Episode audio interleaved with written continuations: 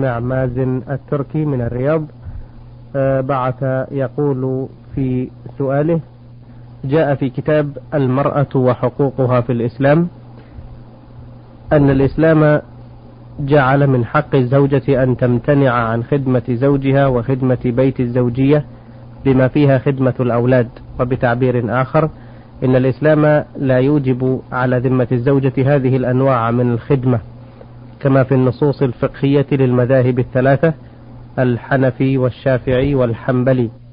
هذا هو رأي هذا المؤلف وقوله في كتابه فما مدى صحة هذا القول من وجهة النظر الإسلامية؟ بسم الله الرحمن الرحيم. الحمد لله رب العالمين وأصلي وأسلم على نبينا محمد وعلى آله وأصحابه أجمعين. قبل الجواب على هذا السؤال أحب أن لا ينسب الكتاب المؤلف الذي ألفه رجل من الناس أيا كان مستواه العلمي والديني ولا أحب أن تنسب فتوى صدرت من عالم إلى أن ذلك هو الإسلام. إذ من الممكن جدا أن يكون هذا الرأي الذي زعم أنه هو الإسلام أو هذا الحكم الذي زعم أنه هو حكم الله ورسوله ليس موافقا لحكم الله ورسوله وليس من الإسلام أي من الأحكام الإسلامية.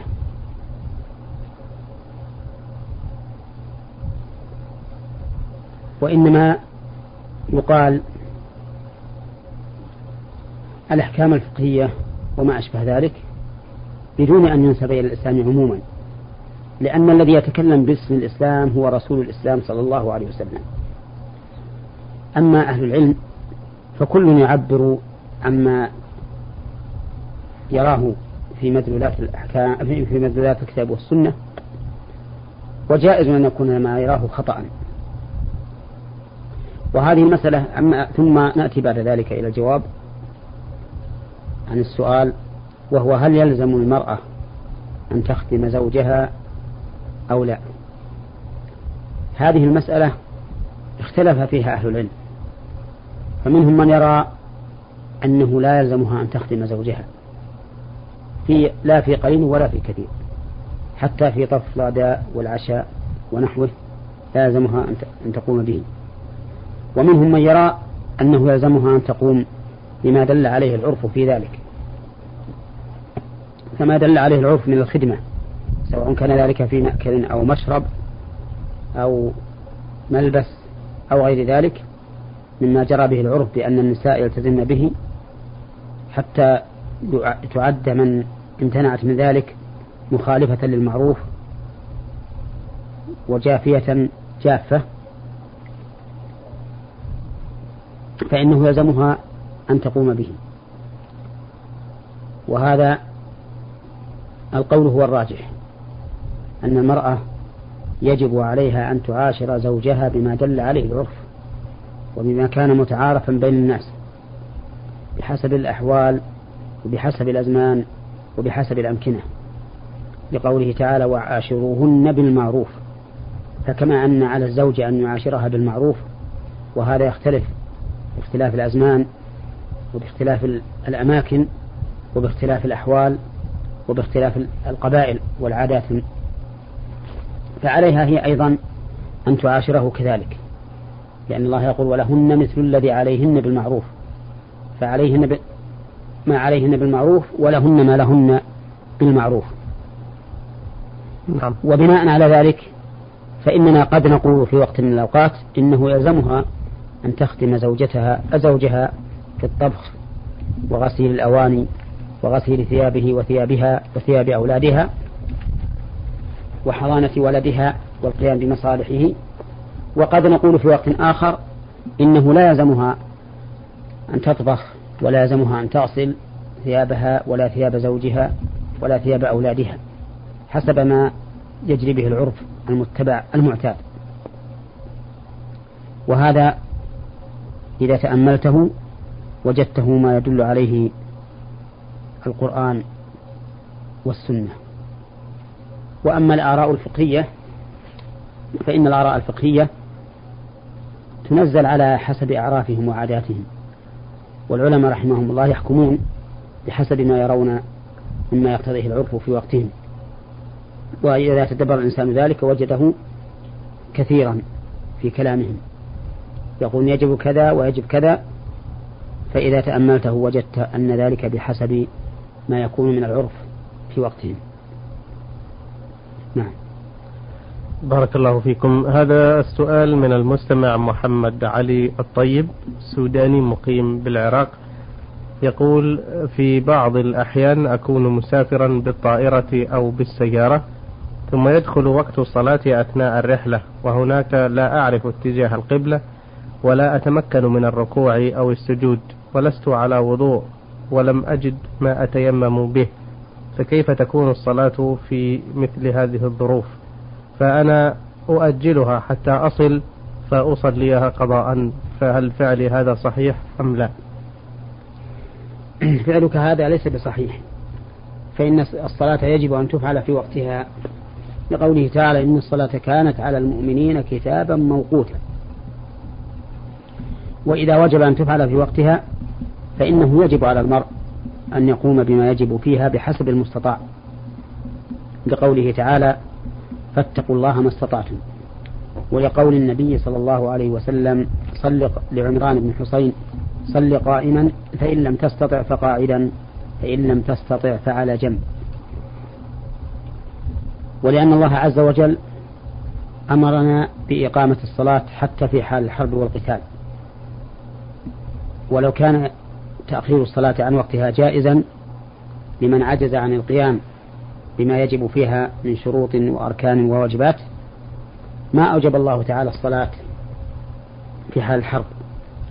وعلى هذا يتبين أن ما فعله الأخ السائل من كونه يؤخر الصلاة إلى ما بعد الوقت فيصليها قضاء بناء على أنه لا يعرف القبلة وأنه ليس عنده ماء في الطائرة. وأنه لا يتمكن من الركوع والسجود يتبين أن فعله هذا خطأ. ولكن ماذا يصنع المرء في مثل هذه الحال؟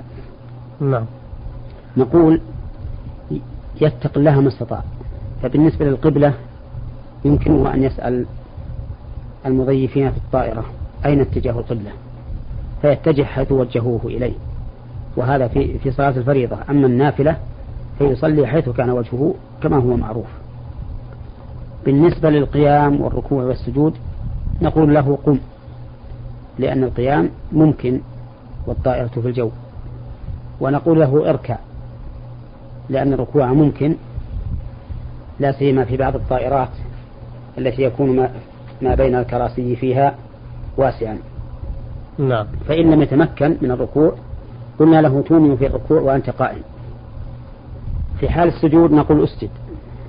والغالب أنه لا يمكنه إذا لم يكن في الطائرة مكان معد للصلاة. فإذا لم يتمكن من السجود قلنا له اجلس بعد أن تقوم من الركوع وتأتي بالواجب اجلس وأومئ بالسجود وأنت جالس. وأما القعود بين السجدتين والتشهد فأمره واضح. وبهذا تنتهي الصلاة. قد اتقى الله فيها ما استطاع. وأما فيما يتعلق بالوضوء فنقول إذا لم يكن لديك ماء وليس هناك ماء يمكن أن تتيمم به فإنك تصلي ولو بلا وضوء ولا تيمم لأن ذلك هو منتهى استطاعتك وقدرتك. والمهم أن لا تؤخر الصلاة عن وقتها إلا إذا كانت الصلاة مما يجمع إلى ما بعده كما لو كانت الرحلة في وقت الظهر وبإمكانك أن تؤخر الظهر إلى العصر فتجمعهما جمع تأخير في وقت العصر. هذا جائز. فهذا جائز بل يكون واجبا في هذه الحال. نعم. نعم. آه، بالنسبة للتيمم يعني لا بد من آه، التيمم بتراب آه، له غبار؟ التيمم بالتراب لا, لا يحتاج إلى غبار على القول الراجح. نعم. لأن الله تعالى قال ولم تجدوا ماء فلم تجدوا ماء فتيمموا صعيدا طيبا. وهذا عام في كل الأوقات. ومعلوم أن المسافرين قد يكونون على أرض رملية ليس فيها غبار وقد يكونون في زمن الأمطار. وبل الأرض فلا يكون غبار. نعم. فالصحيح أنه أن الغبار ليس بشرط. لكن أقصد أنه لا يصح التيمم إلا بتراب. بكل ما على الأرض لكن في الطائرة ما يتمكن الإنسان إلا إذا كان إلا إذا كان معه تراب فهو يمكن أن يتيمم نعم. آه هذا السائل محمد أحمد بدر مصري. آه يعمل بالعراق. أيضا يقول عندنا عادة في يوم العيد بعد أداء صلاة العيد نقوم بزيارة المقابر فنجد هناك النساء يقمن بالبكاء والنواح فوق المقابر. فما حكم هذا العمل منا ومن النساء؟ أما حكم العمل منكم فإنه من البدع. فإن الرسول عليه الصلاة والسلام لم يكن يخصص المقابر بالزيارة في يوم العيد. ولا يمكن للمرء أن يخصص وقتا من الأوقات لعبادة من العبادات إلا بدليل من الشرع. لأن العبادة تتوقف على الشرع في سببها وفي جنسها وفي قدرها وفي هيئتها وفي زمانها وفي مكانها. لا بد أن يكون الشرع قد قد جاء في كل هذه الأشياء. فإذا خصصنا عبادة من العبادات بزمن معين بدون دليل كان ذلك من البدع. فتخصيص يوم العيد بزيارة المقبرة بدعة ليست واردة عن الرسول عليه الصلاة والسلام ولا عن أصحابه. وأما بالنسبة لزيارة النساء فإن زيارة النساء محرمة. لا يجوز للنساء أن يزورن القبور لأن النبي صلى الله عليه وسلم لعن زائرات القبور. فكيف إذا حصل من زيارتهن ما ذكره السائل من البكاء والنياحة؟ فإنه يكون ظلما فوق ظلم. وقد ثبت أن النبي صلى الله عليه وسلم لعن النائحة والمستمعة وأخبر أن النائحة إذا لم تتب إذا لم تتب قبل موتها فإنها تقام يوم القيامة وعليها سربال من قطران ودرع من جرب والعياذ بالله. فعلى النساء أن يتقين الله عز وجل وأن يبتعدن عن محارمه ولا يزورن المقابر. وإذا كن يريدن أن يدعون للأموات فليدعون وهم في بيوتهم. والله سبحانه وتعالى عليم بكل شيء. نعم. أحسن الله إليكم. آه هذه الرسالة من السائل فتحي منصور من الجماهيرية الليبية. يقول أنا أشكو من كثرة الشك في الطهارة من الجنابة لدرجة أنني أعيد الغسل مرة أخرى أو مرتين. فما الحكم في هذا وماذا يجب علي؟ الحكم في هذا أن الشكوك إذا كثرت فإنه لا يلتفت إليها لأنها وسواس كما نص على ذلك أهل العلم وعليه فإذا كثرت الشكوك فاطرح ولا, ولا تلتفت لها ولا تبالي بها ولا تعيد الغسل بل استمر في صلاتك وعبادتك ولا تعد شيئا من من من طهارتك. السؤال الثاني يقول إذا اغتسل الشخص من الجنابة بعد الحدث مباشرة وبعد أن انتهى ولبس ملابسه أحس بخروج شيء أو وجد أثرا لسائل قد خرج منه. فماذا عليه في هذه الحالة؟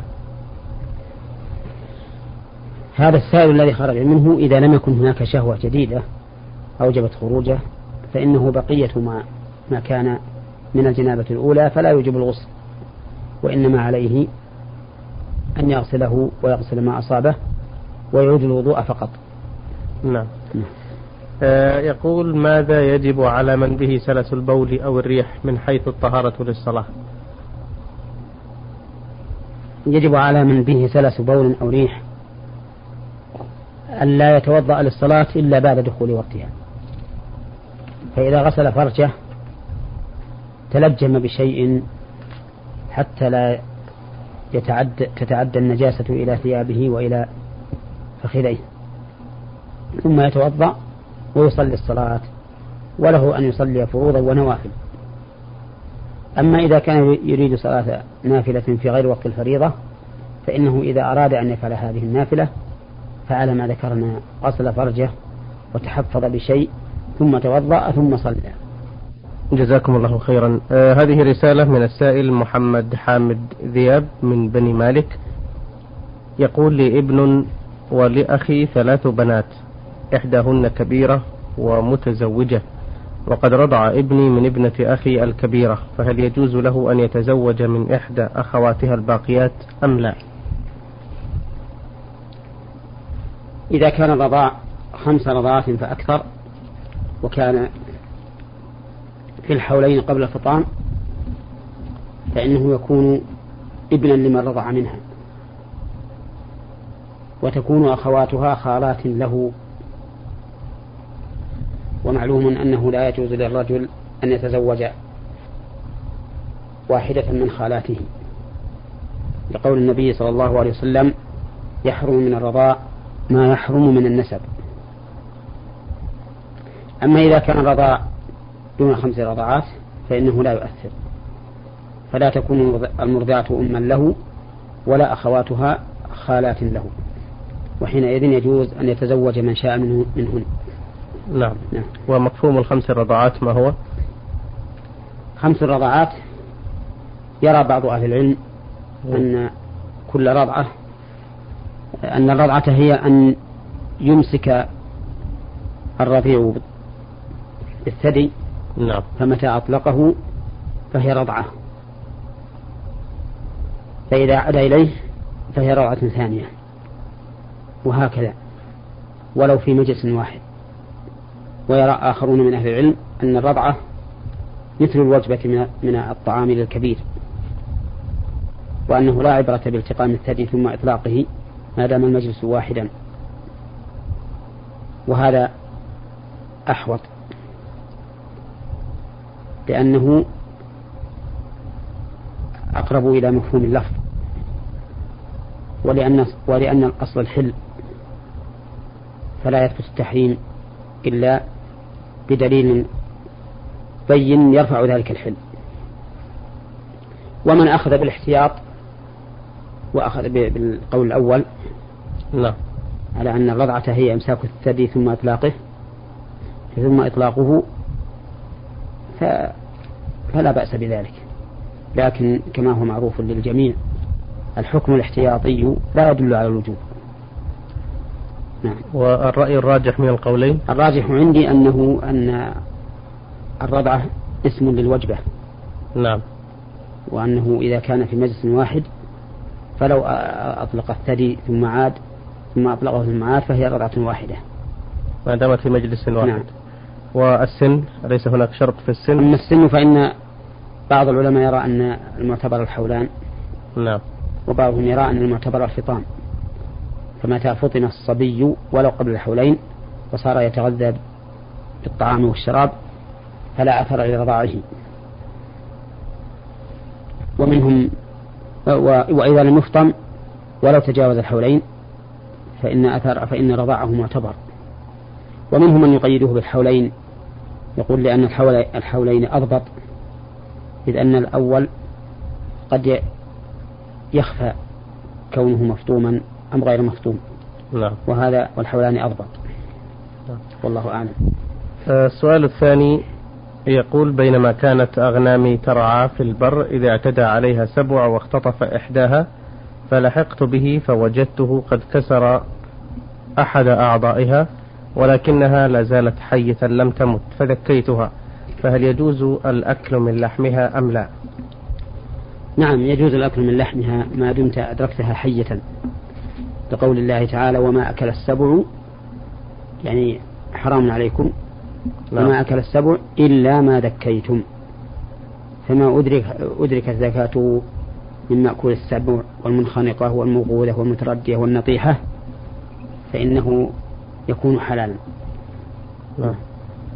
يعني جميع لحمها حلال حتى الجزء الذي قد شرع السبع في أكله حتى الجزء الذي شرع السبع في أكله أما إذا كان قد قطعه نعم. أي السبع فإنه لا يحل أكله لأن ما أبين من حي فهو كميتته. إذا إذا قطعه حتى انفصل عن باقي الجسد نعم. فهذا لا يجوز. نعم. نعم. بارك الله فيكم. آه هذا السائل ألف ألف ميم ألف مصري يعمل بالرياض. آه بعث بسؤالين. السؤال الأول يقول أنا رجل متزوج وقد أنجبت زوجتي ستة من الأطفال. ولكني بعد هذا أشك في حسن سلوكها نظرا لبعد الشبه بيني وبين بعض الأولاد. فهل هذا يعتبر داعيا للشك فيها أم لا؟ وماذا علي أن أفعل؟ عليك. إذا جاءت امرأتك بولد يكون شبهه موجبا للشبهة عليك أن لا تلتفت إلى ذلك. لأنه ثبت في الصحيحين أن رجلا جاء إلى النبي صلى الله عليه وسلم فقال يا رسول الله إن امرأتي ولدت غلاما أسود. وكان الرجل وامرأته وكان الرجل وامرأته بغير هذا اللون. فهو يعرض ويبين ما في نفسه من الشبهة. فقال النبي عليه الصلاة والسلام ألك إبل؟ قال نعم. قال ما ألوانها؟ قال حمر. قال النبي صلى الله عليه وسلم هل فيها من أورق؟ قال نعم. فقال أن لها ذلك. قال لعله نزعه عرق. قال فها وهكذا ابنك لعله نزعه عرق. فأنت لا تدري فقد يكون من أجدادك أو أجداد امرأتك من هو بهذا الشبه الذي استغربته من بين أولادك. فلا تلتفت إلى هذا وتعوذ بالله من الشيطان الرجيم. وما دامت زوجتك مستقيمة فلا يكونن في نفسك شك منها. نعم. نعم. السؤال الثاني هل يجوز لمن عليه دين أن يؤدي فريضة الحج إن لم يكن قد أداها من قبل أو أداها ولكنه يريد أن يتطوع؟ إذا كان على الإنسان دين يستغرق ما عنده من المال فإنه لا يجب عليه الحج. لأن الله تعالى إنما أوجب الحج على المستطيع. قال الله تعالى ولله على الناس حج البيت من استطاع إليه سبيلا. ومن عليه دين يستغرق ما عنده لم يكن مستطيعا للحج. وعلى هذا فيوفي الدين ثم إذا تيسر له بعد ذلك فليحج. وأما إذا كان الدين أقل مما عنده بحيث يتوفر لديه ما يحج به من بعد أداء الدين فإنه يقضي دينه ثم يحج حينئذ سواء كان فرضا أم تطوعا. لكن الفريضة يجب عليه أن يبادر بها وغير الفريضة هو بالخيار إن شاء تطوع وإن شاء فلا إثم عليه. آه هذه الرسالة من السائل أنور عبد الهادي محمد عراقي يدرس بالباكستان. يقول لقد قرأت في كتاب فقه السنة للسيد سابق حول موضوع الزواج بنية الطلاق بعده. وقد ذكر المؤلف أن المذاهب الأربعة قد أباحوا هذا النوع من الزواج وحرمه الإمام الأوزاعي لأن الإمام الأوزاعي اعتبره كزواج المتعة. فما هو الحكم الصحيح في هذا؟ فإن كان جائزا فإني أريد أن أتزوج لأحصن نفسي من الوقوع في الحرام حتى تنتهي مدة دراستي ثم أطلقها. المعروف من مذهب الإمام أحمد رحمه الله أن الزواج بنية الطلاق محرم وأنه داخل في نكاح المتعة وذلك لأن النية معتبرة في تأثير في التأثير في الحكم. لقول النبي صلى الله عليه وسلم إنما الأعمال بالنيات وإنما لكل امرئ ما نوى. ولأن الرجل لو تزوج المطلقة ثلاثا بنية أنه يحللها للأول ثم يطلقها كان هذا النكاح باطلا ومحرما ولم تحل للزوج الأول. كما لو شرط ذلك في نفس العقد. وعلى هذا فتكون نية الطلاق كنية التحليل أي كما أن النية في التحليل مؤثرة فكذلك نية الطلاق مؤثرة أيضا. وقال بعض أهل العلم إن نية الطلاق ليست كشرطه لأن شرط الطلاق معناه أنه إذا تمت المدة ألزم به وكذلك المتعة إذا شرط على الإنسان أنه يتزوجها إلى أجل مسمى فإن معناه أو مقتضى هذا العقد أنه إذا تم الأجل المسمى انفسخ النكاح تلقائيا. فليست النية كالشرط. وهذا الفرق بين ظاهر لأن الشرط إذا تم الأجل انفسخ النكاح تلقائيا. وإذا كان قد شرط عليه الطلاق فإنه يلزم به عند تمام مدة. وهذا الفرق لا شك أنه مؤثر في الحكم ولكن عندي أن هذا أن هذا حرام من وجه آخر أي أن الإنسان إذا تزوج بنية أنه يطلقها إذا غادر البلد حرام من جهة أنه غش وخداع للزوجة وأهلها. فإن الزوجة وأهلها لو علموا أن هذا الرجل إنما تزوجها بنية الطلاق إذا أراد السفر ما زوجوه. في الغالب فيكون في ذلك خداع وغش لهم. وقد قال النبي عليه الصلاة والسلام من غش فليس منا والحاصل أن العلماء رحمهم الله اختلفوا فيما إذا تزوج الغريب بنية أنه متى أراد الرجوع إلى وطنه طلقها بدون شرط. فذهب قوم من أهل العلم وهو المشهور من الإمام أحمد أن هذا النكاح فاسد. وأنه نكاح متعة. وعللوا ذلك بأن نية الطلاق كشرطه قياسا على التحليل الذي تكون نيته كشرطه. وقال آخرون من أهل العلم إن النية لا تؤثر وإن الفرق بين النية والشرط هو أن الشرط إذا تم الأجل ألزم بالطلاق إن كان الذي إن كان المشروط هو الطلاق أو انفسخ النكاح إن كان النكاح مؤجلا إلى هذه المدة. وهذا الفرق ظاهر يؤثر في الحكم ولكنه عندي أنه غش إذا نواه بدون أن يبينه للزوجة وأهلها لأنهم لو علموا بنيته هذه ما زوجوه في الغالب. وحينئذ إما أن يعلمهم أو يكتم عنهم فإن أعلمهم فهو نكاح المتعة وإن كتمه كان غشا وخداعا. فلا ينبغي للمؤمن أن يعمل هذا العمل. نعم.